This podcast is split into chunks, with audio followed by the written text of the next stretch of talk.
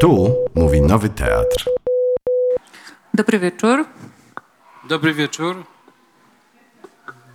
Jesteśmy, tak? No to skoro jesteśmy, a już dają znaki, że jesteśmy. Dobry wieczór Państwu. Yy, witam Państwa w Teatrze Nowym na transmisji spotkania o książce Pawła Mościckiego Azyl.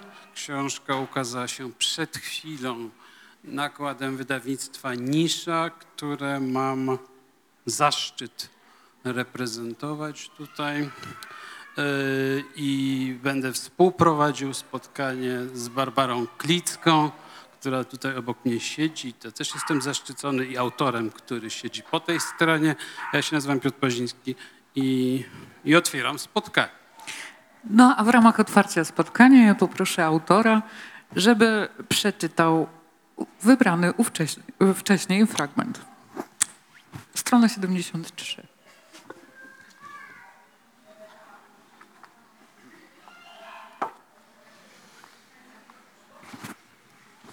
E, Dzień dobry Państwu. Chciałbym na początku e, oczywiście bardzo serdecznie wszystkich witając e, i też dziękując Basi i Piotrowi za, za to, że się zgodzili ze mną porozmawiać. Zaznaczyć, że e, ówcześnie wybrany w tym wypadku Ówcześniej. oznacza, czy wcześniej, uprzednio, oznacza wybrany przez prowadzących. E, zarówno wybrany, jak i uprzednio e, stosuje się do prowadzących. Nie do. Dziękujemy. E, Jest to fragment numer 22 i brzmi on tak. Dopiero gdy spojrzeliśmy sobie w oczy, zorientowałem się, że to pierwsza kobieta z obozu, którą spotkałem sam na sam. Były wolontariuszki, kucharki, dziennikarki badaczki, które jak ja chciały zobaczyć tu coś, o czym jeszcze nikt nie wie. Wiedza przewodniczek. To znałem, byłem po tej samej stronie. Doświadczenie kobiet stąd to coś całkiem innego.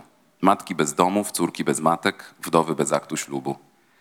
Nie mówiło się tu o nich prawie w ogóle. A co dopiero prostytucja. Wszyscy milczeli o tym solidarnie, ale było jasne, że to tutaj działa. Nie mogąc znaleźć tego, czego szukam, chciałem przeniknąć chociaż tę tajemnicę. Przekonać się, co się za nią kryje, jak wygląda delikatny gest namowy. Jak zobaczyć to na własne oczy, nie wchodząc w rolę wspólnika. Zacząłem udawać klienta, zadawałem pytania, drążyłem temat z uporem, który wywoływał u moich rozmówców uśmiech politowania. Długo nie mogłem sforsować tej zapory. Byłem intruzem, któremu pokazuje się tylko to, co i tak wiadomo. A jednak, pewnego popołudnia na środku drogi stanął naprzeciw mnie niepozorny młodzieniec o etiopskiej lub erytrejskiej urodzie i całkiem naturalnie podjął temat, jakbyśmy obaj rozmawiali już o tym wiele razy. Zapytał, czy to ja szukałem dostępu do naszych kobiet i czy jestem gotowy z góry zapłacić za spotkanie. Przytaknąłem, a gdy wręczałem mu tych kilka wymaganych banknotów, kwota była zaskakująco niska, jak na tak pilnie strzeżony sekret, zostawił w mojej dłoni prowizoryczną mapkę z zaznaczonym miejscem spotkania. Przez chwilę zastanawiałem się, czy nie powiedzieć mu prawdy, ale uznałem, że jeszcze wszystko wstrzyma, przestraszy się albo zrobi mi jakąś krzywdę. Wieczorem, szukając wskazanego namiotu, myślałem o wszystkich pośrednikach, którzy już o mnie wiedzieli. I jak wędrowały moje pieniądze aż do kieszeni jakiegoś rosłego przemytnika albo francuskiego gangstera. Myślałem też o sytuacji tych kobiet, które porzuciwszy domy, gdzie pozbawione opieki stałyby się zapewne łupem gwałcicieli, na innym kontynencie wciąż są przedmiotem transakcji, przed, którym nikt ich nie, przed którymi nikt ich nie broni. Im mniej są tu widoczne, tym bardziej bezbronne. Muszę o to wszystko spytać.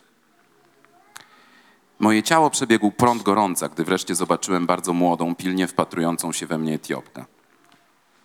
Kilkumilimetrowe włosy nie zakrywały skóry głowy, widać było jej regularny owal.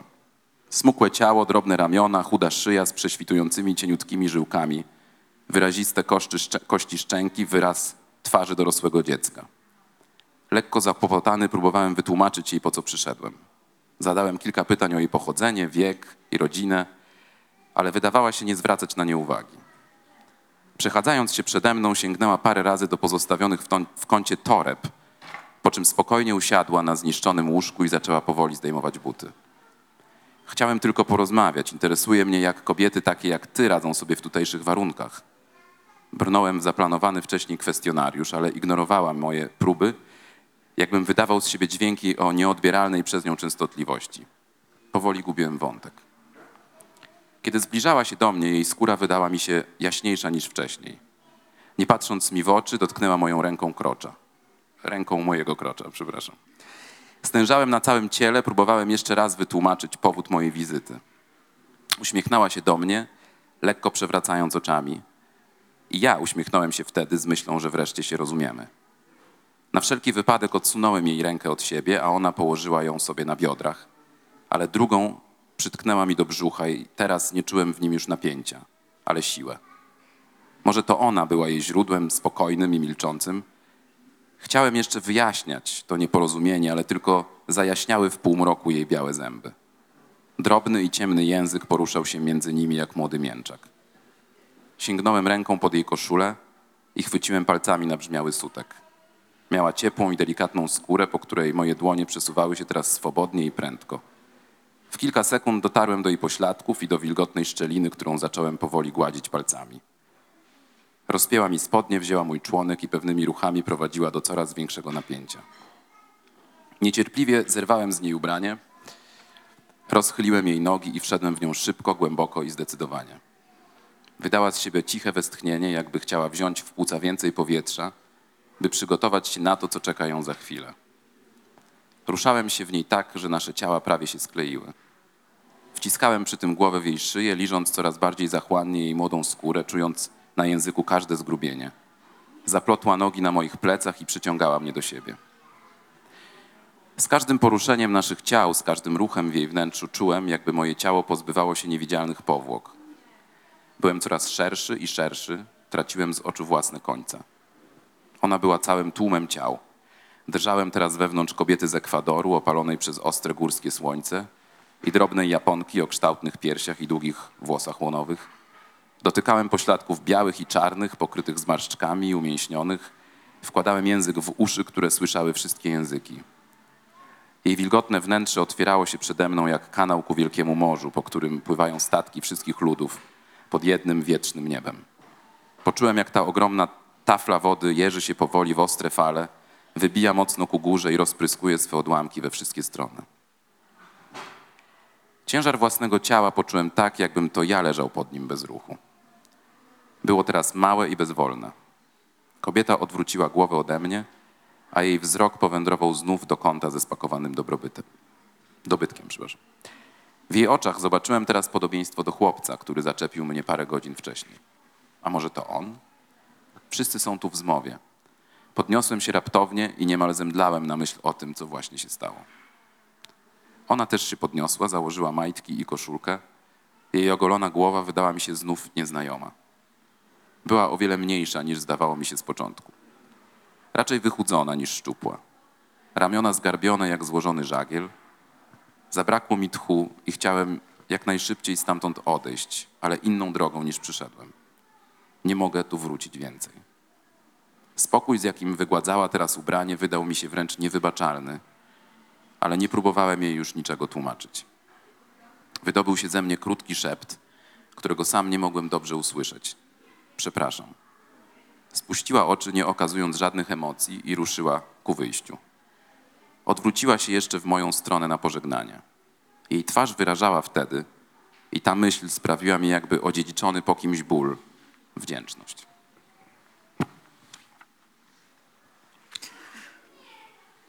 Dziękuję. E, No to ja bym chciała zacząć z grubej rury, skoro i tak już zaczęliśmy z grubej rury. E, Chciałam Cię zapytać, jak Ty sobie radzisz z odpowiedzią na pytanie, które można by było e, sobie zadawać w takiej sytuacji? Co literatura ma do roboty w obozie, w obozie dla uchodźców, zwłaszcza takim, który nie został wymyślony na jej potrzeby, znaczy, zwłaszcza takim, który jest jakimś konkretem geograficzno-historycznym.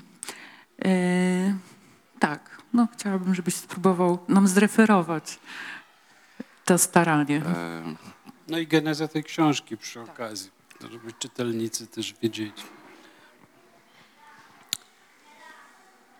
Zacząłbym od tego, że y, status tego obozu nie jest taki do końca wyłącznie realny, bo ja myślałem o tym w ten sposób, że mm, będzie to fikcja stworzona z elementów y, bardzo osadzonych w konkrecie historyczno-geograficznym. To znaczy, że no, większość takich rzeczy, które oczywiście nie mówię o wszystkich wydarzeniach, bo tutaj to jest książka fikcyjna, tak? Więc jakby tutaj nie ma, e, to nie są ani moje wspomnienia, ani e, reportaż, ani dokumentacja niczego. To jest, to jest e, fikcja literacka. Natomiast ta fikcja dzieje się właśnie w pewnej przestrzeni, której parametry są zorganizowane według dosyć ściśle zdokumentowanych i zapamiętanych przeze mnie cech obozu pod Calais w, północnej, w północno-zachodniej Francji. Dla tych z Państwa, którzy nie wiedzą, dlaczego tam był y, taki ważny obóz, to jest najwęższy przesmyk między Wielką Brytanią i kontynentem europejskim, dlatego tam skupiali się przez właściwie 20 lat e, migranci, którzy chcieli z y, kontynentalnej Europy przedostać się do Wielkiej Brytanii. No i najczęściej koczowali tam długie miesiące bez, bezskutecznie. A w momencie, kiedy ten obóz odwiedza mój bohater, a właściwie dwóch bohaterów, to jest już y, quasi miasto mm, liczące od 6 do 8 tysięcy mieszka- mieszkańców, jeśli to jest dobre słowo. Więc to był jakby mój background, ale postanowiłem, że chciałbym, żeby to miejsce samo stało się literackie, to znaczy, żeby jego tożsamość, jego charakter, jego dostępność były cały czas w tej książce czymś nieokreślonym do końca, żeby ono było zarazem czymś bardzo materialnie określonym, ale wymykającym się uczestnikom, czymś bardzo precyzyjnie opisanym, ale w tej precyzji też trochę wymykającym się mm, e, tym kategoriom. Więc to jest pierwszy taki chyba e, rodzaj mieszanki, która, która tutaj zachodzi. E, Co literatura, ja w ogóle jestem przekonany, że, e, że nasze przekonanie, że literatura jest jakby dosyć, że, że literatura jest e, elementem jakiegoś luksusu, w ogóle sztuka, jest gruntownie fałszywa. A możesz to rozwinąć? Dlatego, tak, dlatego teraz, nie wiem dlaczego, ale teraz mam, teraz mam w głowie bardzo mglistą anegdotę, której nie do końca pamiętam właściwie, ale mam ją w głowie. To jest ciekawe, bo to już jest literacki e, moment. mam obraz, e, kiedyś słyszałem o tym, że e, więźniowie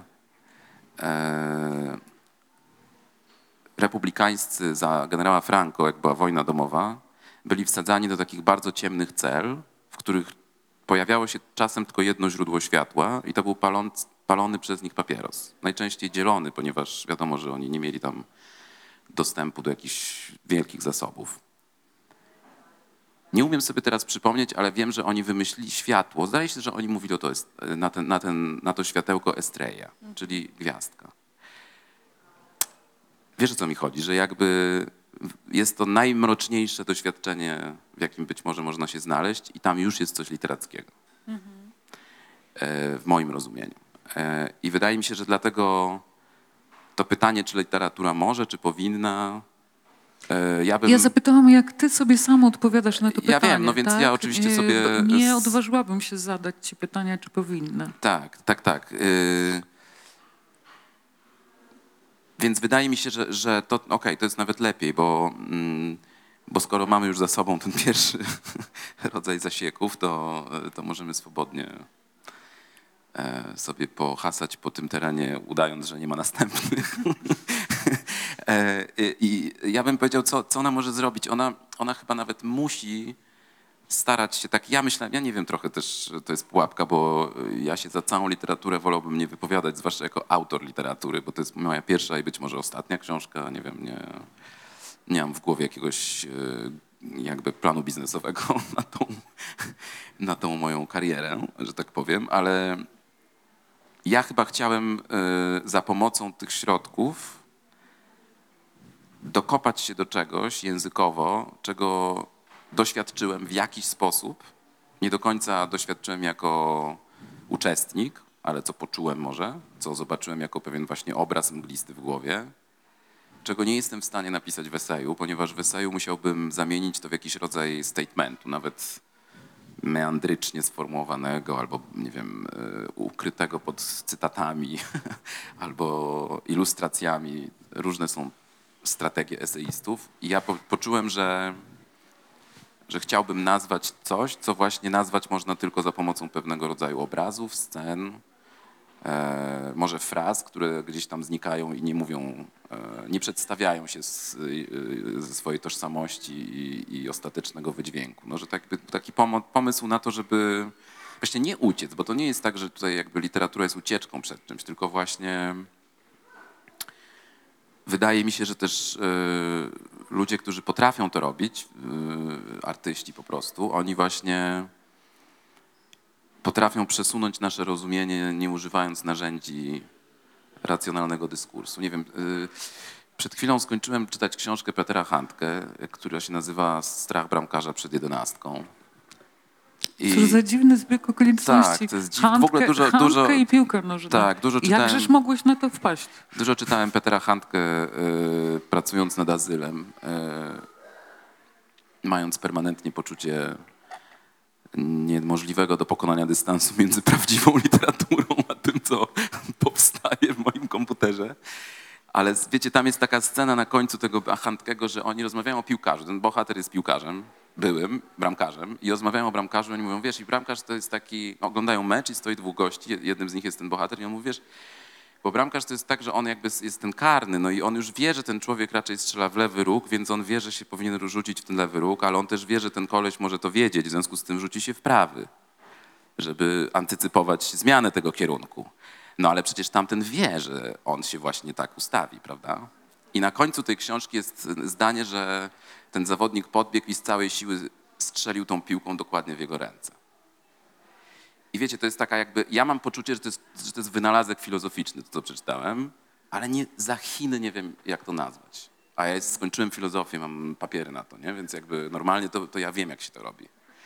Ale że on zrobił coś takiego, co mi się wydaje właśnie otwarciem w ogóle jakby mojej głowy, ale ja nie mam w ogóle na to języka jeszcze. I to chciałem zrobić w swojej książce i prawdopodobnie... Właśnie. No dobrze. Strzeliłem bramkarzowi prosto w ręce. Nie, nie, nie wiadomo, czy strzeliłeś, bo nie wiadomo, gdzie jest bramkarz, ale... No właśnie. ale ja sobie zacznę z innej strony. Ja sobie przypominam pracę nad, nad książką, to znaczy redakcyjną.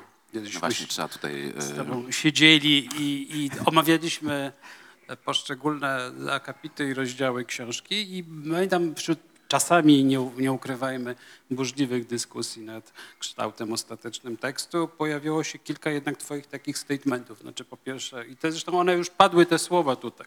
Znaczy, że to nie jest reportaż, że nie chcesz, żeby to był reportaż i nie chcesz, żeby tak było to traktowane, że to jest książka jakkolwiek reporterska że się od tego bardzo wyraźnie dystansujesz. No i nie jest to też esej, tak? Tu, tu i nie bardzo jestem pewien dlaczego, nie? Ale, ale powiedzmy, bo moim zdaniem esej też może być literaturą, no ale to jest może mój problem z pisaniem, nie pisaniem literatury, pisaniem esejów. E, ale mm, no więc właśnie, więc to może byś się wytłumaczył, dlaczego literatura i jak zakreśliłeś sobie to pole literackie?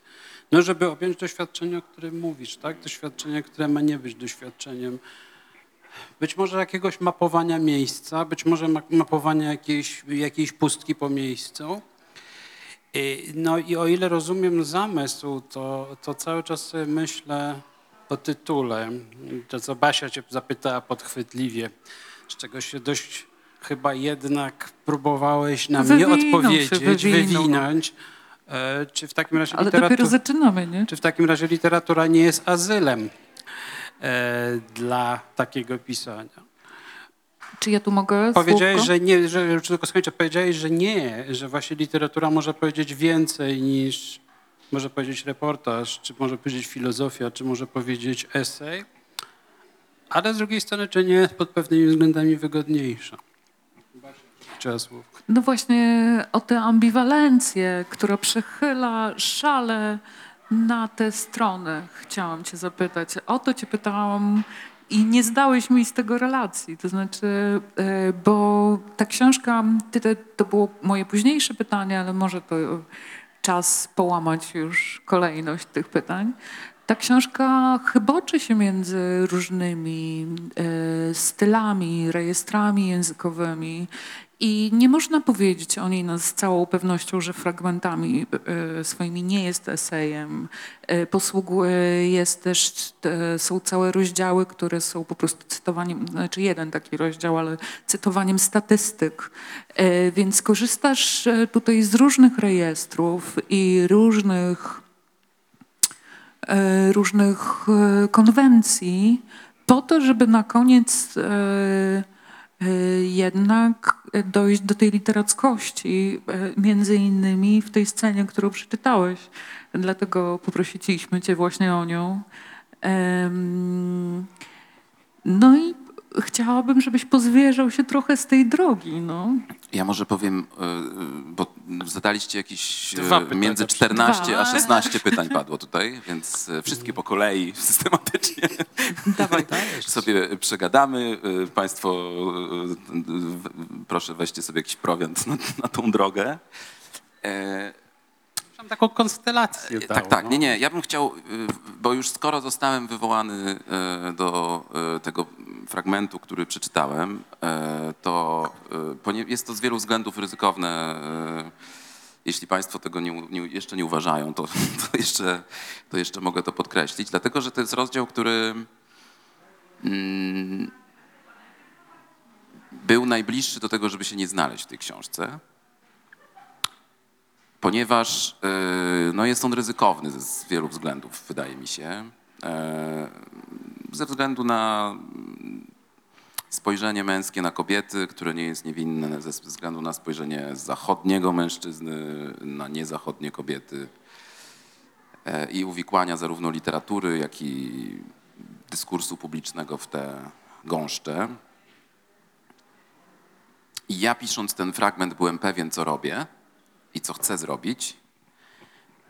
E, moją intencją taką świadomą, bo tego oczywiście nie do końca, e, nie do końca muszę nad tym panować, ale moją świadomą intencją było to, żeby troszeczkę wprowadzić w spojrzenie jednego z moich narratorów, które, którym, za którym podążamy dość, dość spójnie od początku książki, wprowadzić właśnie pewien dysonans, pewien rodzaj e, grudki takiej mocnej w nasze zaufanie do niego.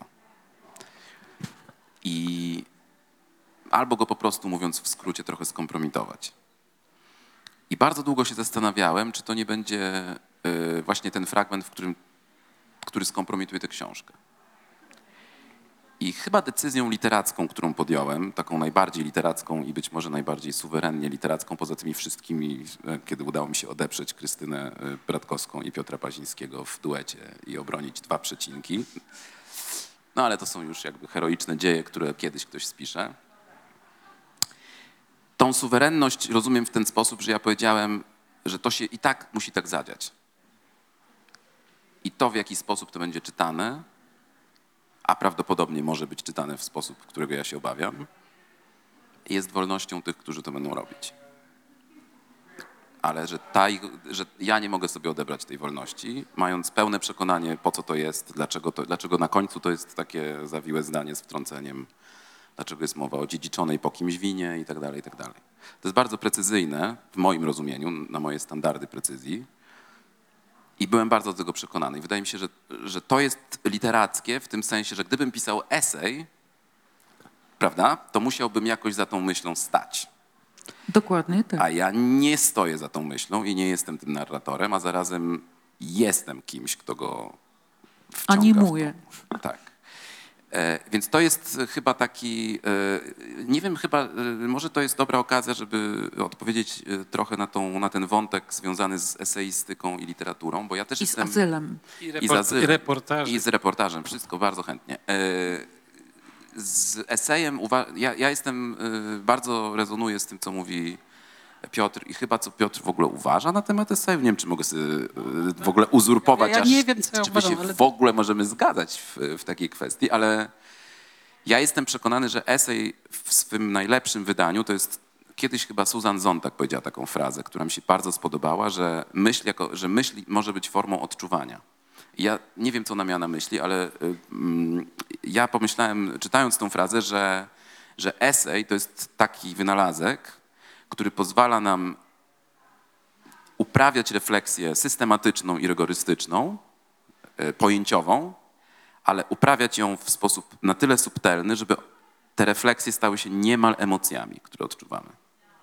Prawda? Bo emocje są bardzo subtelne, bardzo zmienne. no? A my możemy próbować być tak samo elastyczni, ale w myśleniu.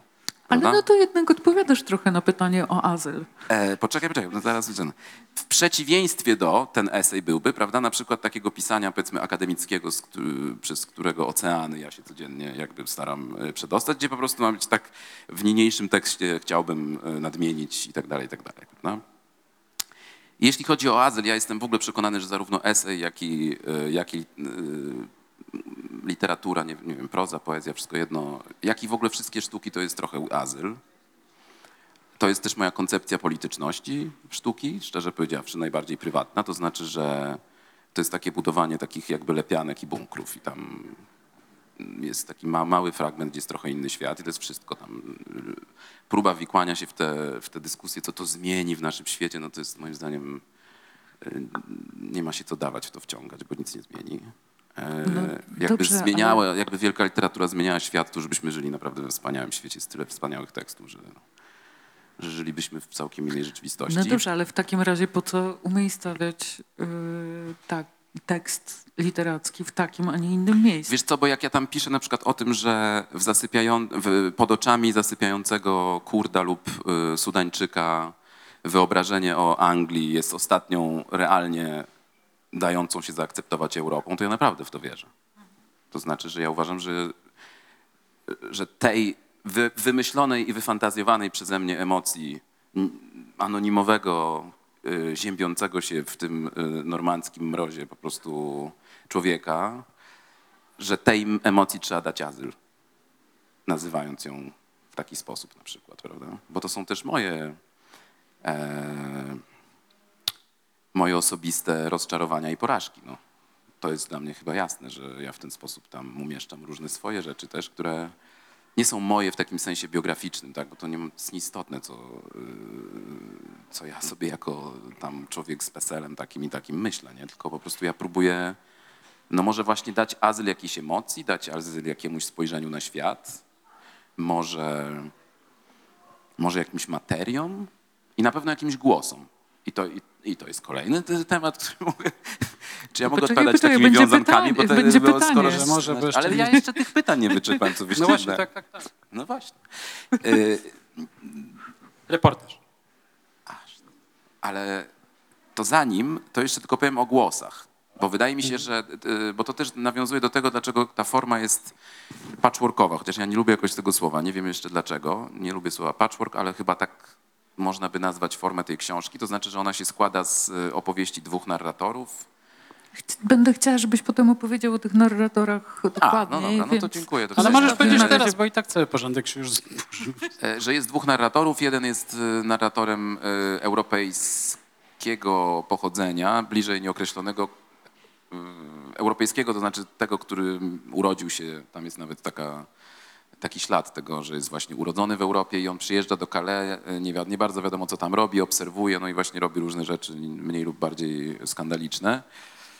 Jest drugi narrator, który jest Syryjczykiem, też nie wiadomo do końca skąd to tam trafia właśnie do tego obozu i próbuje się w nim zorientować, ale właśnie to, co jest oprócz tych dwóch głównych głosów narratorskich, jest dla mnie szalenie ważne, mianowicie takie teksty, które nie mają przyporządkowanych podmiotów, a zarazem są monologami i głosami, które się tam jakby w tej przestrzeni unoszą czy rozbrzmiewają. I to są czasami em, głosy ludzi, którzy się kiedyś być może grzali przy ogniskach, to są głosy szczepione z fragmentów Koranu i Biblii, to są fragmenty graffiti, które tam były ułożone w monolog i tak dalej, i tak dalej. Więc na przykład dla mnie jest ważne, żeby w ten sposób zbudować y, rzeczywistość, której naprawdę nie da się ogarnąć, bo wydaje mi się, że tego rodzaju miejsce jest trudne do ogarnięcia. Znaczy, szczerze powiedziawszy, każde wydarzenie jest trudne do ogarnięcia. No Y, ale jednak niektóre są tak, ale, ale, trudniejsze ale niż wydaje inne, mi się, że, że, że tutaj mamy coś takiego, że właśnie być może dawanie azylu tej rzeczywistości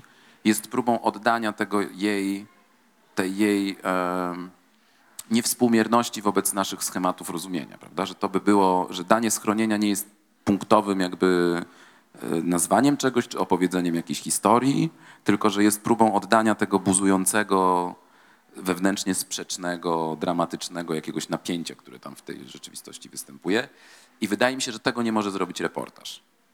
Bo wtedy, Dlaczego? Dlatego, że reportaż. Ja nie, nie, nie jestem wielkim fanem, szczerze powiedziawszy, tej formuły. Yy, Też nie jestem wielkim czytelnikiem, więc być może mam yy, szereg przesądów yy, na ten temat, który, które sam ma forma reportażowa już dawno unieważniła, więc jakby mm, nie roszczę sobie prawo do jakiejś autorytarnej tutaj oceny, ale ja mam takie przekonanie. Ja w ogóle jestem bardzo podejrzliwy. Wobec Nam zaufałeś. e, Niniejszym. I nawet dalej nam ufa teraz wam, aktywnie. Wam, e, wam, wam oczywiście też nie ufam. E, nie, nie, ja, ja jestem bardzo podejrzliwy, w związku z tym wszystkie formy, które są takie właśnie, które mają zapisany w sobie kod pod tytułem dajemy jakąś bezpośredniość albo dajemy jakieś coś ro, że tak powiem, namacalnego, byłem, widziałem, jest jak mówię, e, wzbudzają we mnie dużą ambiwalencję. No to rzeczywiście reportaż już E, bardzo rzadko się posługuje formułą jest jak mówię. A ja uważam, że właśnie jest tak nawet wówczas, kiedy ostentacyjnie literalizuje się, e, Jasne. się reportaż. Ale to prawda? jest zupełnie I, inna sprawa. I wydaje tak. mi się, że, e, nie wiem, była taka kiedyś dyskusja o polskiej szkole reportażu. Ja nic o tym nie wiem, więc teraz mówię rzeczy kompletnie na, na, na, na pałę, ale, ale kiedyś pamiętam, była taka dyskusja. Jedyna rzecz, której o tym wiem, to jest to, że była, no bo czytałem tam coś o niej, no i o- tam były takie problemy, że ktoś tam był, ale zmienił imiona tamtego.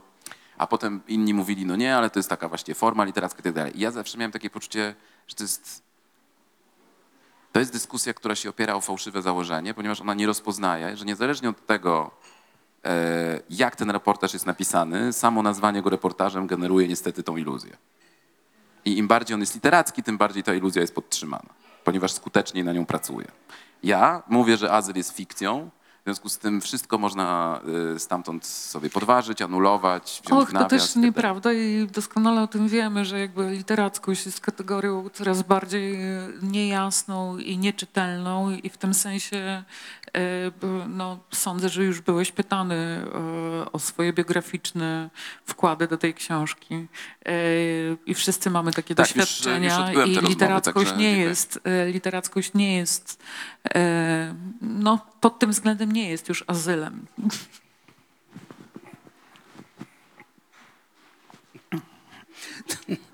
No, ciągnąc sprawę dalej, oczywiście każda książka posiada, chyba się zgodzisz, tak mi się przynajmniej wydaje, jakąś taką osnowę substancjalną, która tutaj też jest jakoś zarysowana. To znaczy, zresztą mówiłeś to w innych też wywiadach, czy, czy, czy było to podkreślane w recenzjach, no, czy jest to jednak Calais, a nie, nie gdzie indziej.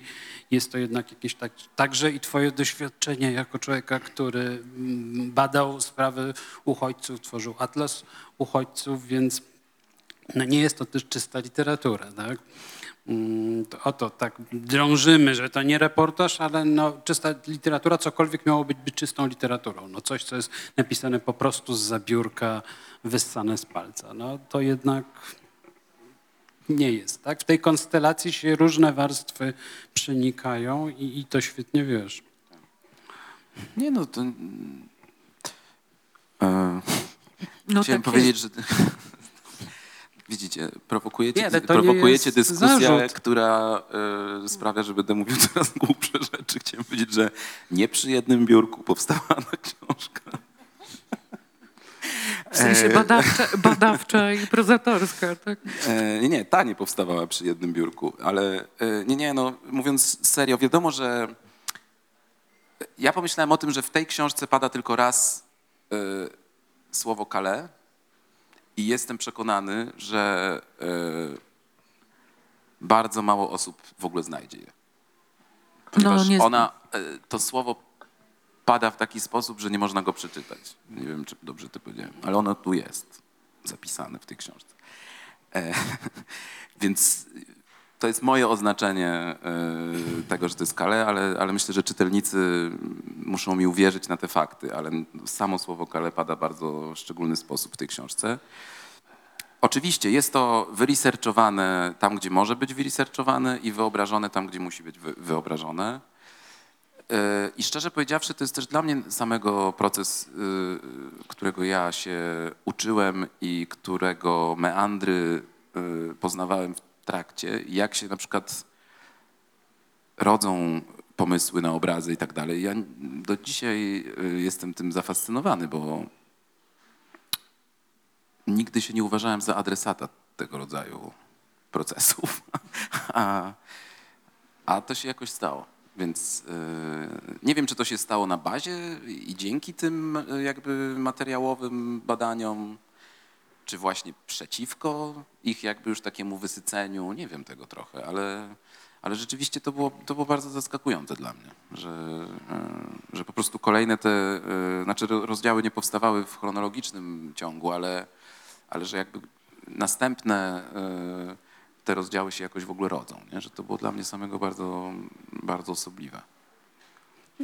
Pamiętam, jakśmy sobie dyskutowali nad, nad tekstem i powiedziałeś jeszcze jedną rzecz bardzo ważną i, i ciekawą, także pewnie dla czytelników. Znaczy, że twoim zdaniem, mówiąc krótko, skracając tę myśl, uchodźcy, no bo to jednak oni są jakimś podmiotem czy bohaterami tej książki, zasługują na formę literacką, to znaczy zasługują na to, żeby o nich pisać z całą, nie tylko z całą powagą, ale też, żeby zaprzęć swoje pisanie wsz- wszelkie dostępne tobie jako autorowi siły, y, możliwości, y, po to, żeby ich potraktować poważnie. I czy mógłbyś tę myśl rozwinąć? O co, o co, tu, o co tu właściwie chodzi? To, to znaczy, to twierdzenie się pojawiło, tutaj zdradzę tym, którzy nie uczestniczyli w naszych pracach redakcyjnych na kontrze do tego reportażu. Tak? Znaczy, ty naszą wieś nie. Znaczy, ja chcę literaturę także dlatego, że ci ludzie zasługują na coś więcej właśnie niż, e, niż, niż reportaż. Tak, to prawda. Y, To jest y, moje przekonanie, znaczy to jest chyba też trochę mierzenie się z jednej strony właśnie z reportażem, z drugim z, ta, z takim mm, wewnętrznym, znaczy ja nie miałem co do tego wątpliwości, ale powiedzmy, że zewnętrzna rzeczywistość takie wątpliwości może podsuwać, to znaczy dlaczego to nie jest na przykład chronologicznie opowiedziana historia, dlaczego nie, nie jest bardziej minimalistyczna, dlaczego nie jest bardziej oszczędna. I w ten sposób jakby byśmy próbowali powiedzieć, że właśnie tak, to, tak się oddaje jakiś rodzaj y, szacunku y, ludziom w, doświadczeniu uchodźczym, czyli skrajnym i, i też takim ogałacającym.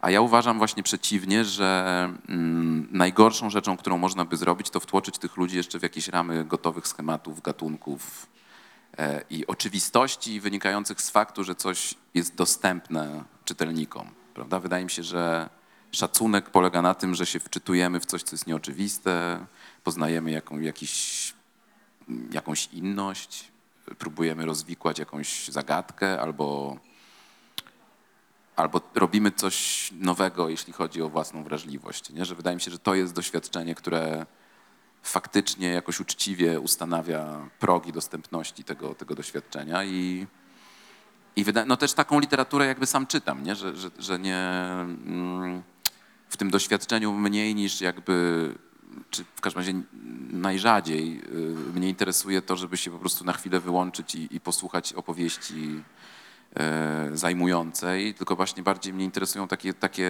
mm, pisarskie style, które gdzieś właśnie wstrząsają mną, nie? że jakby one rzeczywiście gdzieś współrzędne mojego świata po prostu traktują bezceremonialnie, ale zarazem gdzieś prowadzą. No i ja, ja miałem taką ambicję, żeby to było właśnie z jednej strony takie eksperymentujące, ale też eksperymentujące w,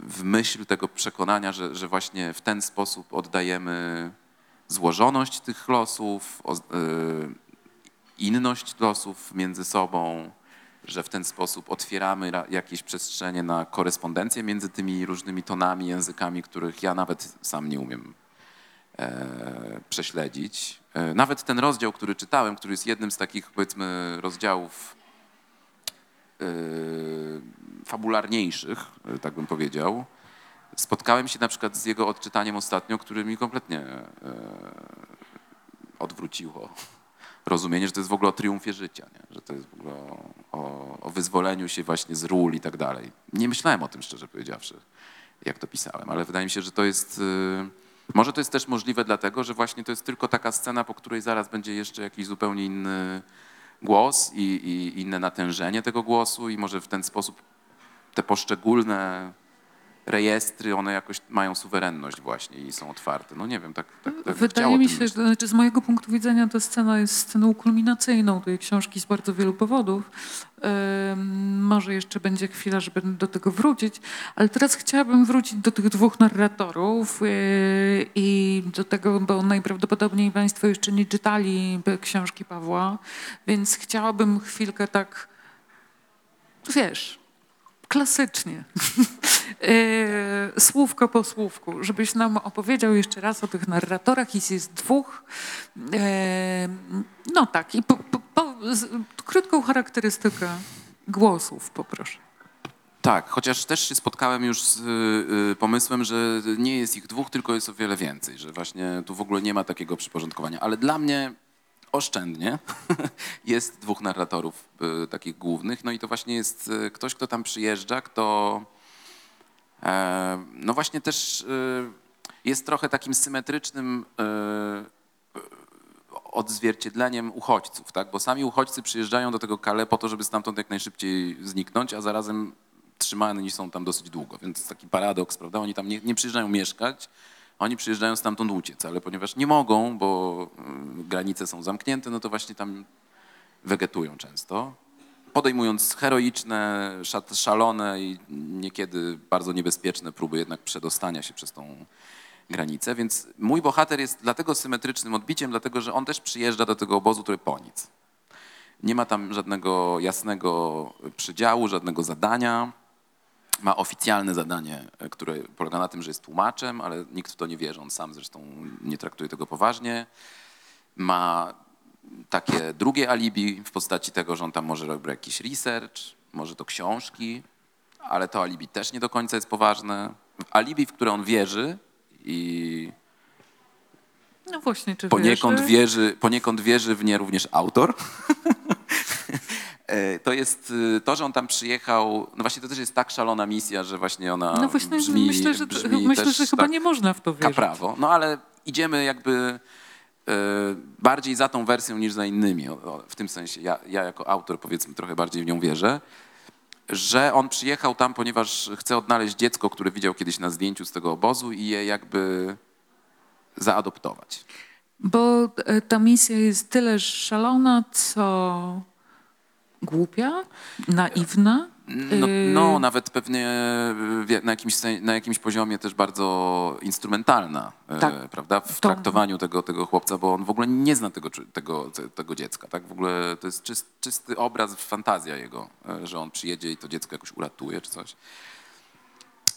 No i pytanie otwarte pozostaje, czy to dziecko e, się tam faktycznie pojawia, czy nie e, i czy ono w ogóle było w Kale. To jest jakby książka tego nie rozstrzyga albo rozstrzyga, ale w każdym razie no, cały czas się pojawiają te różne wersje. Zresztą tu też jest ta fraza, prawda, czy to on, no to, to to dziecko, czy to jest ten chłopiec, no to to jest jakby też o tym y, chłopcu, który tutaj w różnych wersjach się, się, się pojawia jako domysł.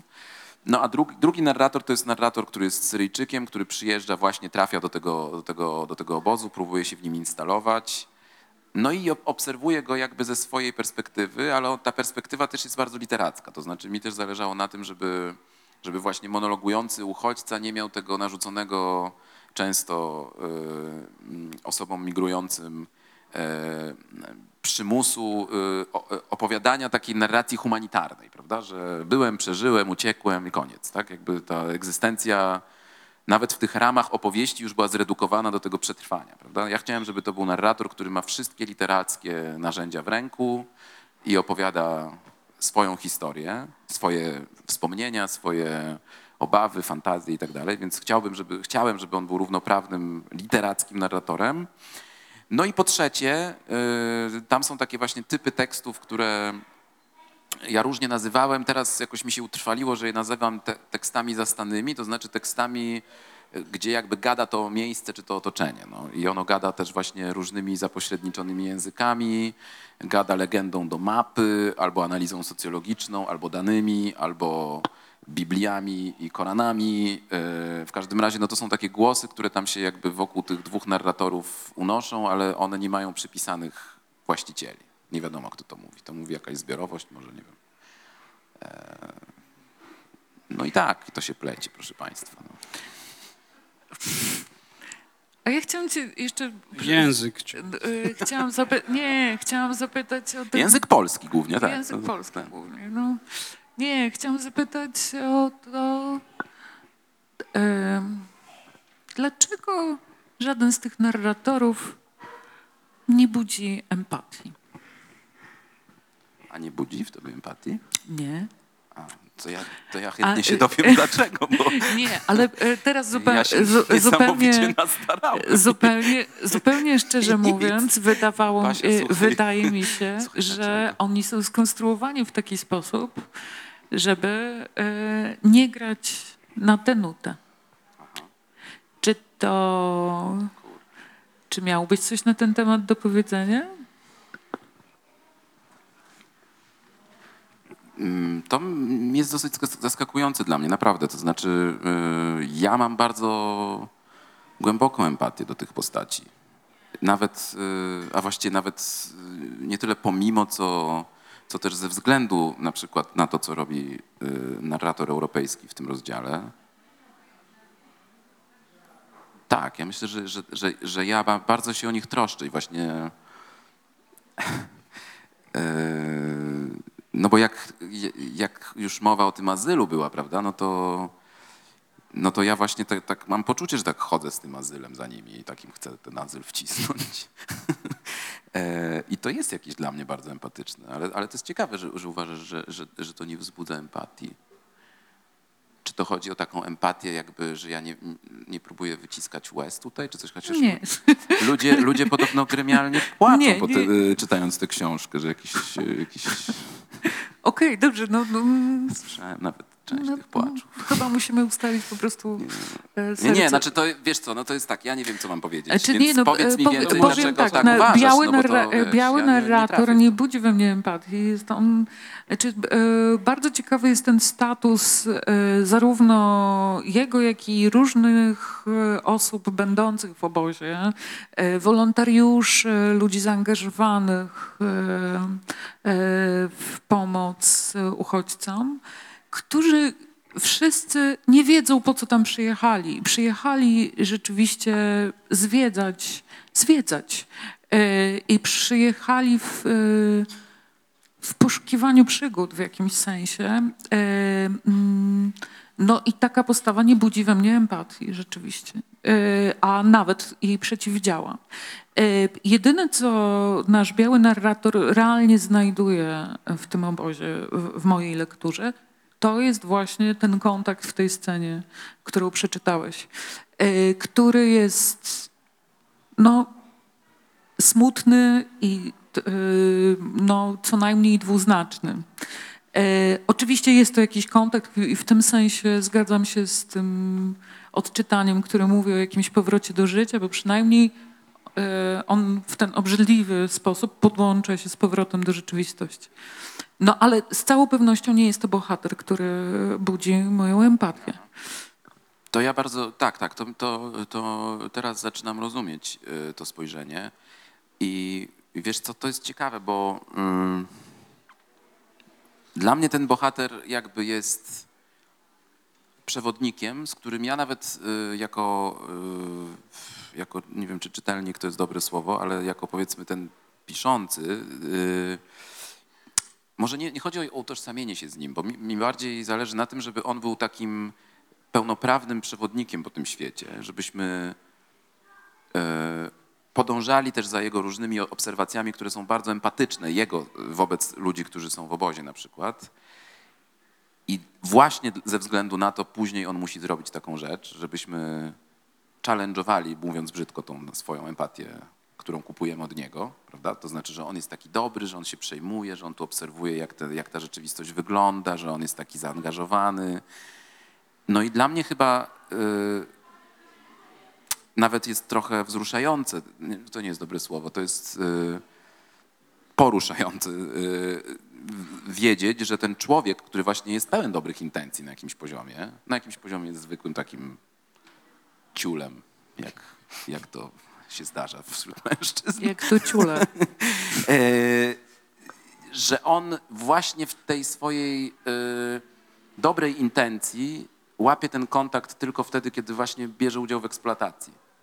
I że to jest, drama, to jest dramatyczne, prawda? I dla mnie to jest prawda, której nie, umiem, nie umiałbym powiedzieć w eseju, bo gdybym ją powiedział w eseju, no, to tak, no tak, no. Wszyscy, jeste, wszyscy jesteśmy tacy, tacy eksploatujący, no wow.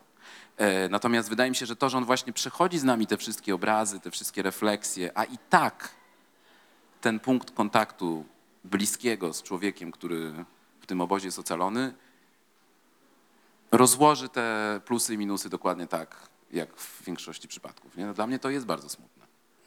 Bo mówisz, że podążasz za jego empatią, ale wydaje się, że podążasz, wydaje mi się, że czytelnicy to docenią, że podążasz również za jego z- z- hipokryzją i za jego emocjonalnym wygodnictwem.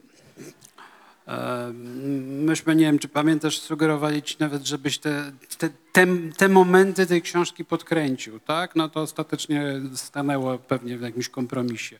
Ale nam się ten, yy, znowuż zdradzam troszkę sekrety kuchni mojej i, i Krystyny Bratkowskiej, nam się ten bohater wydawał niesympatyczny. I to nie jest tak, że z nim nie empatyzujemy, jak, jak, jak mówi Basia, tylko on nas odrzucał. I założyliśmy, że chcesz napisać y, książkę o bohaterze, który jest antypatyczny.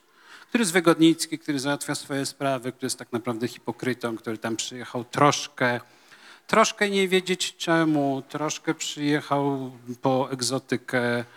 No i na końcu się jeszcze zachował jak zachował. Poskok na tak. bungee. Tak.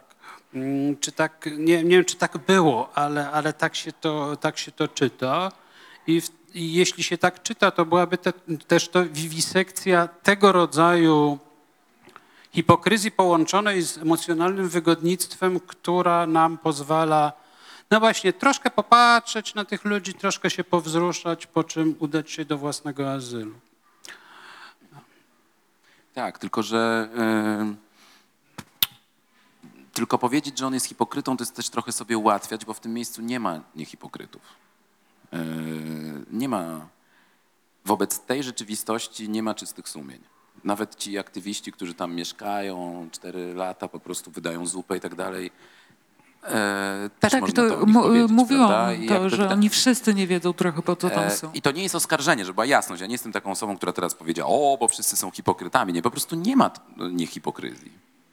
I możemy sobie tylko rozmawiać o, o jakby gradacji, tak? prawda? Gradacji tego, gdzie mamy tą, ten punkt, kiedy się wyłączamy z empatii, bo dbamy o siebie, bo cokolwiek.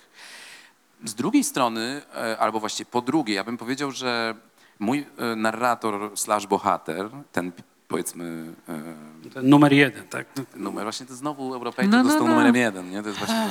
Znaczy on No jest, ale on jest u ciebie numerem jest jeden. numerem, to nie jest- dlatego, że on jest on jest numerem no, jeden, bo się pojawia jako pierwszy, tak? Jakby... Nie tylko No dlatego, nie, nie Paweł. dlatego, Paweł. Znaczy jest go wyraźnie więcej i być może o tym Tak. jest też ta książka, że jego jest Eee, więcej. O, to, to, jest, to jest dobra lektura też może.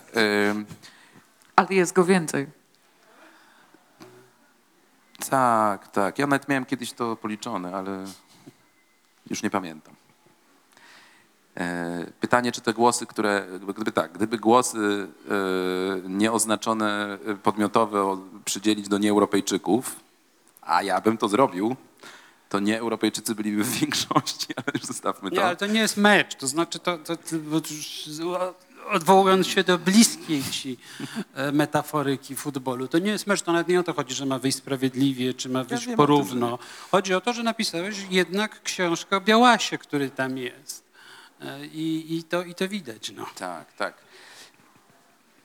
Trochę się pogubiłem, wiecie. Yy, mm, Jesteśmy w azylu. Ostatnio było o tym, że. Yy, aha, wiem. Mój, mój bohater slash narrator numer jeden, bo to jedynka nas wybiła, e, no jednak on przyjeżdża z szalonym planem, ale to jest plan, który jak najbardziej zrewolucjonizuje jego życie, jeśli się powiedzie, prawda? Można uznać, że on jest totalnie fantazmatyczny, ale można to uznać właśnie wyłącznie sadzając samych siebie w takiej pozycji, która jest dopiero hipokryzją. Prawda? Czytamy książkę i, mówi, i jakby widzimy szalonego człowieka, który przyjechał uratować dziecko i mamy właśnie ten odruch powiedzenia, o, ale to jest właśnie taki instrumentalny. Tak, Jakim my jesteśmy, żeby to powiedzieć? Czy kto, kto ma taki autorytet? Ja na przykład go, go nie mam. Wydaje mi się, że ta szalo, szaloność tego pomysłu jest jakby na granicy przyzwoitości. On sam zresztą to mówi, prawda, że co powiedzą ludzie, jak ja to dziecko zabiorę, czy ja w ogóle, czy ono mi pozwoli. Ale zarazem ja traktuję to jako to szaleństwo takie, no właśnie gdzieś godne y, uznania, no bo on jest gotowy zmienić swoje życie, jeśli tego chłopca być może znajdzie, prawda? Więc on, ja, nie, ja bym nie powiedział, że on tam przyjechał wyłącznie na safari. To by powiedział jeden z głosów, który tu jest, bo tu jest taki monolog, który wszystkim tym jakby przybyszom wygarnia co, co i jak. I też na przykład wydaje mi się, że potrzebowałem, prawda, y, patchworkowej formy, żeby taki monolog się tam mógł znaleźć, bo to też jest prawda. Prawda? Ten głos, który mówi, wy wszyscy tu jesteście po prostu e, konsumentami tego cierpienia, e, też jest, też jest prawdą o tym miejscu jakąś. Nie, nie ostateczną, nie jedyną, nie rozstrzygającą i tak dalej. Ale, więc ja bym e, powiedział, że dla mnie ten bohater jest jakby istotny jako właśnie ktoś, kogo ja nie chcę obsadzić w roli hipokryty, dobrego serca, przewodnika albo winowajcy, prawda? Że on jest jakby, że on jest winowajcą, ale też, ale chciałbym, żeby za chwilę w następnym rozdziale miał refleksje, których się chce słuchać, nie? Nawet jeśli one za chwilę pokażą, że gdzieś on ma też hipokrytyczną e, warstwę, nie? że jakby w ten sposób mi się wydaje, że ten narrator jakby żyje, że on się staje taką no, nieoczywistą postacią. Szanowni Państwo, teraz jest czas dla Państwa. Jeśli ktoś z Państwa ma pytanie albo chciałby coś wygłosić w kierunku autora, to to jest teraz ten moment. Słynny i świetny Bax jest skłonny podać mikrofon.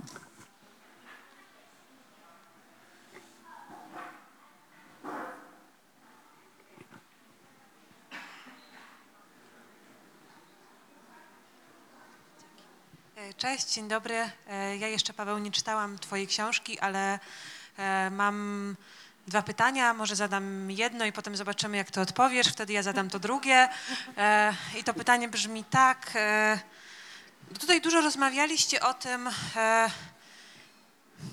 co trzeba zrobić, to znaczy jakie techniki trzeba wykonać, a jakich nie trzeba wykonać, żeby napisać coś w stylu powieści zamiast reportażu, tak? Znaczy, gdzie trzeba się odsłonić, gdzie trzeba się zasłonić. I zastanawiam się, czy byłbyś w stanie napisać azyl e, w taki sposób, w jakim opowiadasz właśnie teraz o tej książce, bez swojego doświadczenia kulturoznawcy, filozofa, człowieka, który zajmował się uchodźcami, który badał to od strony uniwersyteckiej, bez całego swojego backgroundu, e, czy potrafiłeś się, albo czy chciałeś, czy twoim celem było odcięcie się od tego i wejście w taką, w taką literaturę obozową bez tego, bez tego tła, czy jednak e, miałeś z tyłu głowy to, że, że wchodzisz tam no, z pozycją człowieka, wiesz, z okiem i szkiełkiem, to znaczy z, taką z takim czymś, co, co, co, co krytycy pewnie, pewnie nazwaliby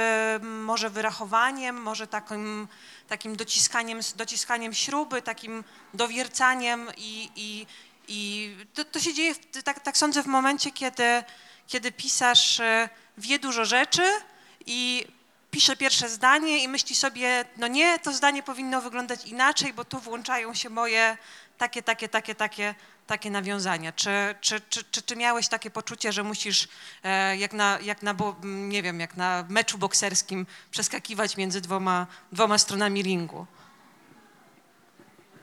Chyba, chyba to jest y, dobra metafora, że to jest y, takie. Jest taka książka y, o boksie, właśnie wydana po polsku. Nie pamiętam niestety autora, ale bardzo ciekawa, na dystans to się nazywa. I, I to jest o tym, że boks jest to y, nauką przestrzeni, prawda? Że, że, że to jest. Y, a, life e, nauka czytania przestrzeni, no bo chodzi o to, żeby właśnie wymierzyć, kiedy być blisko, kiedy być daleko.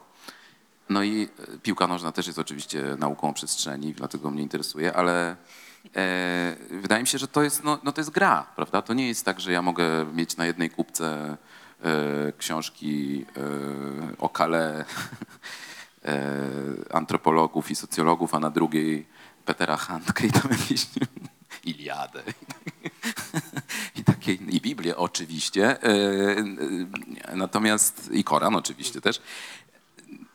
Tylko, że to jest, no jakby, to jest miszmasz, prawda? I, i oczywiście ja y, wierzyłem w tą in, inicjalną intencję, y, że no chodzi mi o coś innego. Prawda? No bo w rejestrze eseistycznym ja nie wiem, o czym jest ta książka. Po prostu. Książka, którą napisałem wcześniej, y, Migawki z tradycji uciśnionych, ja wiem, o czym ona jest. Okej, e, to, to w takim razie to drugie pytanie, e, bo tutaj nie, nie, nie, do końca wysłyszałam może podczas tego, tego waszego gadania, e, jakim gatunkiem literackim byś określił swoją, swoją, swój tekst, tak? Bo, bo to nie jest powieść, tak jak rozumiem, to nie jest reportaż, to nie jest esej, proza poetycka, tak? Minima moralia, co by to było? Paskuda, nie? Nie. Mówię, że paskuda. No to nie jest nazwa Nie. gatunku literackiego. To jest książka gatunku paskuda. Nie wiem, myślałem, teraz mi się oczywiście urodziło, ale moje pierwsze pomysły mają tendencję do tego, żeby być trochę zbyt takie nadęte, więc bardzo Państwa przepraszam, ale e, pojawiło mi się w głowie, że to jest taki poemat katastroficzny. Wcześniej był patchwork i to tak E, bardziej patchwork, domowo nie, nienawidzę brzmiało. tego słowa. E, Patchwork mnie denerwuje, więc nie mogę powiedzieć, że jest to patchwork katastroficzny. Patchwork katastroficzny to jest świetny nowy gatunek literacki moim zdaniem. Mo, może E, kolaż. Plecionka, plecionka e, katastroficzna. Albo nie wiem, no Asamblaż. Asamblaż. Asamblaż. Dezasamblaż. Kiedyś byli tacy artyści. Asamblaż katastroficzny. e, Perfirens. Proszę E, Państwa, kto da więcej?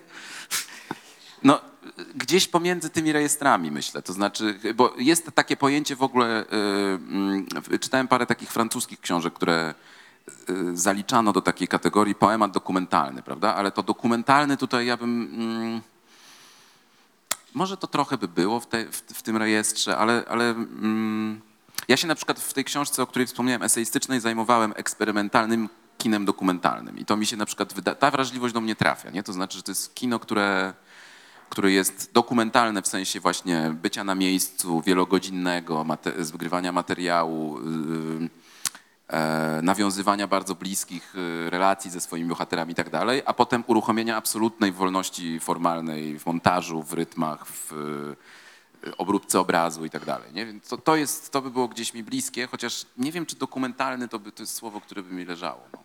Ja nie widzę powodu, żeby nie nazywać tej książki powieścią, chociaż byłaby to powieść nieoczywista. No. Ale nie No, widzę poważnego powieść, powodu. Powieść wszystko jakby wchłonie, więc, więc czemu nie? No. Już trudno. Już trudno. Czy ktoś jeszcze z Państwa? Czy tam widzę uniesioną rączkę? Nie, nie. Nie, nie widzę. Dobrze, to ja jeszcze ostatnie pytanie. No dajesz, no. No język. Nie, Polski, polski. nie. Chciałam zapytać o to, co czytałeś z tej literatury e, oprócz Handkego. Znaczy, Znaczy, co w ogóle czytałeś? Tak, co Tak. pan w ogóle czytał? Nie, chciałam zapytać o, e, o to, co tu już padło w, jakby w, no bo skoro ta książka jest bardzo literacka, to rozumiem, że jest zrobiona też z innej literatury. W tym sensie też jest literacka. No to podaj nam te łatki, z których jest ten patchwork katastroficzny utkany. Nie wierzę, że to powiedziałam, ale zrobiłam to.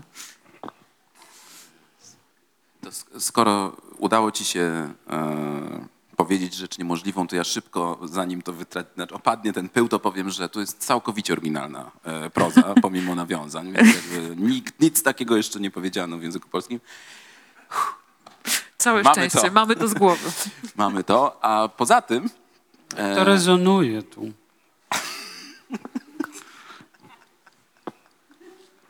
Dobrze, że nie mamy świeczek, bo by, się, bo by, zdmuchnę, bo by się jakby, bo by zgasły. E, ja nie wiem, ja, ja w ogóle jedna rzecz, która jest takim oczywistym nawiązaniem, dlatego sobie pozwolę je przytoczyć, dlatego że ono nie skrywa żadnej tajemnicy, jest tylko organizacyjne, przynajmniej w moim rozumieniu, to jest to, że ta książka ma 34 rozdziały, czyli tyle, ile jest pieśni w piekle Dantego. A ja y, w czasie, kiedy pisałem tą książkę, pisałem też inną książkę, która jest poświęcona, bardzo naukową właśnie dla odmiany, y, na temat y, współczesnych odczytań i przetworzeń boskiej komedii. Więc dla mnie był ten sztafaż jakby oczywisty, ale oczywiście zdaję sobie sprawę, że, że, że to jest bardzo powierzchowne skojarzenie, prawda, że, że, że obóz to, to piekło i że 34 rozdziały, ale, ale mi się wydawało, że 34 to jest taka dobra e, liczba, prawda, że A nie zadałeś sobie pytania, ilu czytelników pamięta, że jest 34 pieśni to jest piekła? dla mnie nieistotne, ponieważ e, właśnie chodzi o to, żeby nie, nie, nie, nie wciągać czytelnika w takie coś, że o wiesz, ale tak naprawdę to Dante jest w tle, dlatego że to nic nie wnosi. To nie jest zorganizowane wokół kolejnych pieśni, to nie jest przetworzenie jakby. To, to jest tylko organizacyjna zasada, która mówi, no wiesz, e, jakbym chciał mieć 12 od 12 apostołów, to to było trochę za krótkie. Nie? No, bo 36 Jakbym sprawiedliwych może być różne Jakbym chciał mieć tak? 40 od 40 Sto rozbójników, centurii, no to wtedy byłoby za długo no i tak dalej. Musi być jakaś zasada organizująca i Jeszcze ona od jest to upadków bunga Zasadą organizującą jest To by było dużo. 50 twarzy Greya, wiesz, I- 50 i rozdziałów za 600 długo. z- E, 20 Już 23 padło upadki Bunga. imię czy nazwisko Dantego 23, i 24? wcześniej padło nazwisko Homera, imię Homera. Nie, nie, Homera nie czytałem akurat wtedy, ale y, nie, nie, no już tak mówiąc szczerze, to, to y, dla mnie to jest, y, mm, jeśli bym miał jakby jakiś taki klimat, czy jakąś taką, jakiś taki afekt, który mi towarzyszył literacki jako czytelnika wtedy, no to oczywiście oprócz tego, Dan, y, oprócz tego y, Dantkiego, To taki piłkarz.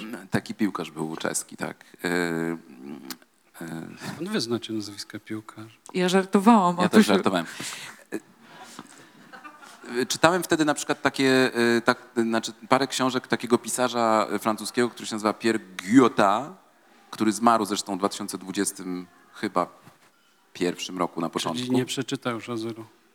nie przeczyta azylu. Y, I był to taki bardzo dziwny pisarz, który pisał prozę absolutnie niemożliwą do przeżycia, przeczytania i tak dalej, ale właśnie łączącą w sobie, to jest zupełnie y, nie ten level e, eksperymentu, bo on eksperymentował, na przykład napisał książkę Prostitution, która się nazywa Prostytucja, która jest napisana językiem francuskim wymieszanym z arabskim, z slangiem e, Alfonsów. e, Jest właściwie zarazem jednym wielkim monologiem i dialogiem pomiędzy pimpami i e, prostytutkami męskimi głównie. E, No i jest taka, prawda, no to jest język, który kompletnie stwarza własną rzeczywistość, a zarazem jest nieprawdopodobnie szorstki, ostry w tym takim jakby osadzeniu w rzeczywistości bardzo dramatycznej często. On też jest autorem książki Grup czy Nagrobek dla 500 tysięcy żołnierzy o wojnie w Algierii. Jest jego taka szlagierowa proza pod tytułem Eden, Eden, Eden, która jest 300-stronicową orgią seksualno-literacką właśnie w języku i tak dalej. Ja wiedziałem, że to jest niewykonalne, bo ja nie, nie, nie mam takich możliwości ingerowania w, w ogóle w materię słów, prawda? No bo to po prostu byłoby e, niesłychanie trudne dla mnie i chyba nie do przeskoczenia. Ale to był jakiś taki, ten szczep mnie interesował, tego właśnie jakiegoś takiego gwałtownego, brutalnego spojrzenia na rzeczywistość i niezwykłego wytężenia uwagi na język. Jak Jean Genet na przykład, nie? że to są takie właśnie brudne zaułki, które są wznioślane w jakichś nieprawdopodobnie pięknych frazach i obrazach i tak dalej. No i co jeszcze? No, A jeszcze dwa słowa więcej o tym handkem? no Handke to jest jakby taki... Kurczę, nawet bym powiedział, że gdybym nie czytał Handkego, to bym nie odważył się wrócić do tego pomysłu, bo w ogóle y, ta, ta pomysł na to, żeby napisać taką książkę pojawił się w 2016 roku. I wtedy rzeczywiście miałem taki pomysł, że napiszę taki reportaż, który będzie zarazem taki ostentacyjnie przesunięty, że on będzie właśnie tak jawnym nie reportażem, ale całkowicie napisanym jak reportaż. No i nie umiałem tego zrobić.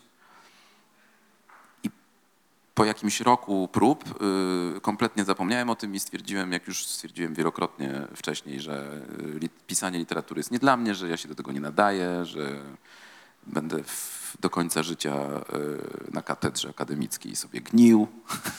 I tam sobie Proszę Państwa, to jest ten moment, kiedy i współczujemy. tam sobie Czujemy teraz właśnie apeluję do Państwa e, pokładów empatii. E, Katedra akademicka. To jest, tak, to jest kaplica. To powinno się nazywać kaplica akademicka, bo to jest kaplica. E, natomiast, e, no, że jak będę po prostu pisał o innych, prawda, fascynując się ich jakby różnymi dokonaniami i w jakimś sensie, jest to dla mnie też samego bardzo zaskakujące, Handke chyba otworzył we mnie tak silnie to doświadczenie w ogóle czytelnicze, że aż pomyślałem, że wrócę do tego na innych prawach. Może coś innego pod spodem dojrzewało, żebym ja się na to odważył. Nie wiem tego, to już na... musiałbym się położyć tutaj e, i, i po, popatrzeć sobie w, w sufit. I, y, natomiast no, jest coś w, w, nim takiego niesamowitego chyba dlatego, że on dla mnie, oprócz różnych innych rzeczy, jest po prostu absolutnym księciem opowiadania. To znaczy, to jest człowiek, który... To jest... y, y, to jest trochę tak, jak, y, jak y, o to będzie, to będzie metafora, która przypadnie Piotrowi do gustu, e, że różnica między człowiekiem i manekinem jest taka, że człowiek zgina tylko y, na trzy sposoby ręce, a manekin może dookoła prawda, osi. I dla mnie Handke robi coś takiego z, z opowiadaniem. To znaczy, to jest człowiek, który potrafi opowiedzieć 360 stopni jedną rzecz. I to jest, e, to jest tak nieprawdopodobnie otwierające i tak nieprawdopodobnie silne doświadczenie, że, że aż niektóre jełopy biorą się za pisanie. Proszę Państwa, ktoś jeszcze? Bo miałam nadzieję, ale nie. Ktoś po tej stronie? Nie, państwo są onieśmieleni. Państwo są tak. Więc proszę się To może o tym Syryjczyku jeszcze dwa słowa, bo e, żeby Bo nie tak został bo właśnie potem tak właśnie, dziwnie. bo Tak potem rozmawiamy będzie, o że- bibliotece A. tekstów europejskich, a Syryjczyk... A potem Ale to, został moje, gdzieś. to moja wina. Nie, to się tak po prostu chyba naturalnie ułożyło. To chyba moja wina To, akurat. tak. No to właśnie powiem tylko to, o tym drugim narratorze tyle, a właściwie y, nie będę się tak bardzo ograniczał, że mi zależało na tym, żeby to była taka narracja. Po pierwsze, żeby ona była y, kontrapunktem, takim, który przesunie po prostu tę książkę w y, nierozstrzygalność, to znaczy, że tu nie ma jednej wizji, nie ma, nie ma jakby jednej, e, jednej czapy nad tym wszystkim, ale która będzie też jakby prowadziła tą książkę w rejony takie najbardziej metafizyczne, bo wydaje mi się, że, że to właśnie, jeśli ta książka gdzieś dotyka takiego wymiaru, takiego wymiaru y, metafizycznego, ale też takiego wymiaru metaliterackiego, to chyba najsilniej w ogóle pod wpływem tego narratora syryjskiego I, i to mi się wydaje też jakoś właśnie przeciwko tej, e, tej kliszy, prawda, że fikcja jest dla Europejczyków, a reportaż i dokument jest dla, dla przybyszów. No, że oni się, że uchodźcy to się ewentualnie mogą załapać, prawda, na, jakiś, na jakąś tam y, setkę do, do telewizji y, i na pro, program interwencyjny, tak, ale literatura to jest jakby już dla nas. I właśnie chciałem, żeby było dokładnie odwrotnie i, i żeby, żeby on miał taką właśnie narracyjną tutaj e, wagę dużą, ciężar miał e, narracyjny. Taki był pomysł, proszę Państwa, na, na, na tego narratora. Dobrze, to jeśli teraz ktoś z Państwa nie wyskoczy nagle z czymś, to ja sobie pozwolę pomału zacząć zamykać to spotkanie. Chyba czy Ty, Piotrze? Nie, możemy pomału zamykać. Chyba, bo patrzę na zegar i też nas zaraz pogonią. Więc y, Tak. chyba, że jeszcze autor chciałby coś na koniec A nie dodać. chciałbyś nam przeczytać jeszcze kawałka? Ale Wybranego tym razem przez siebie?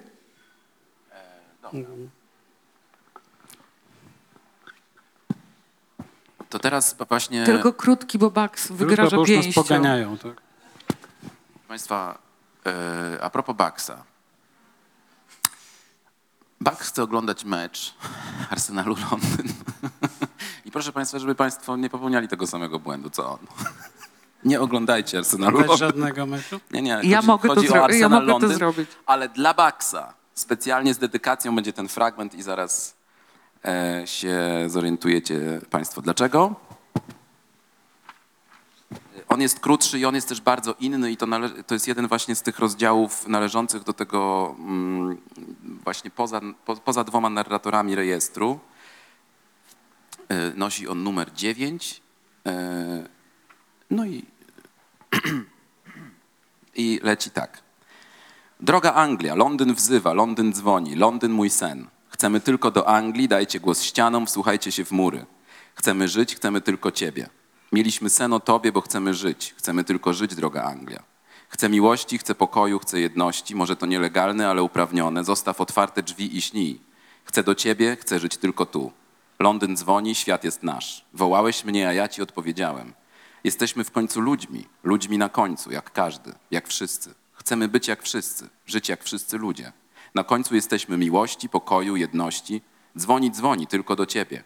Uprawnione jak rewolta, żeby żyć, jedyna droga Anglia. Dostałaś ode mnie wiadomość, pocztówkę. Mogłaś tu być. Twój syn czeka, twój syn wraca, wszyscy jesteśmy synami w końcu, córkami, jak ludzie.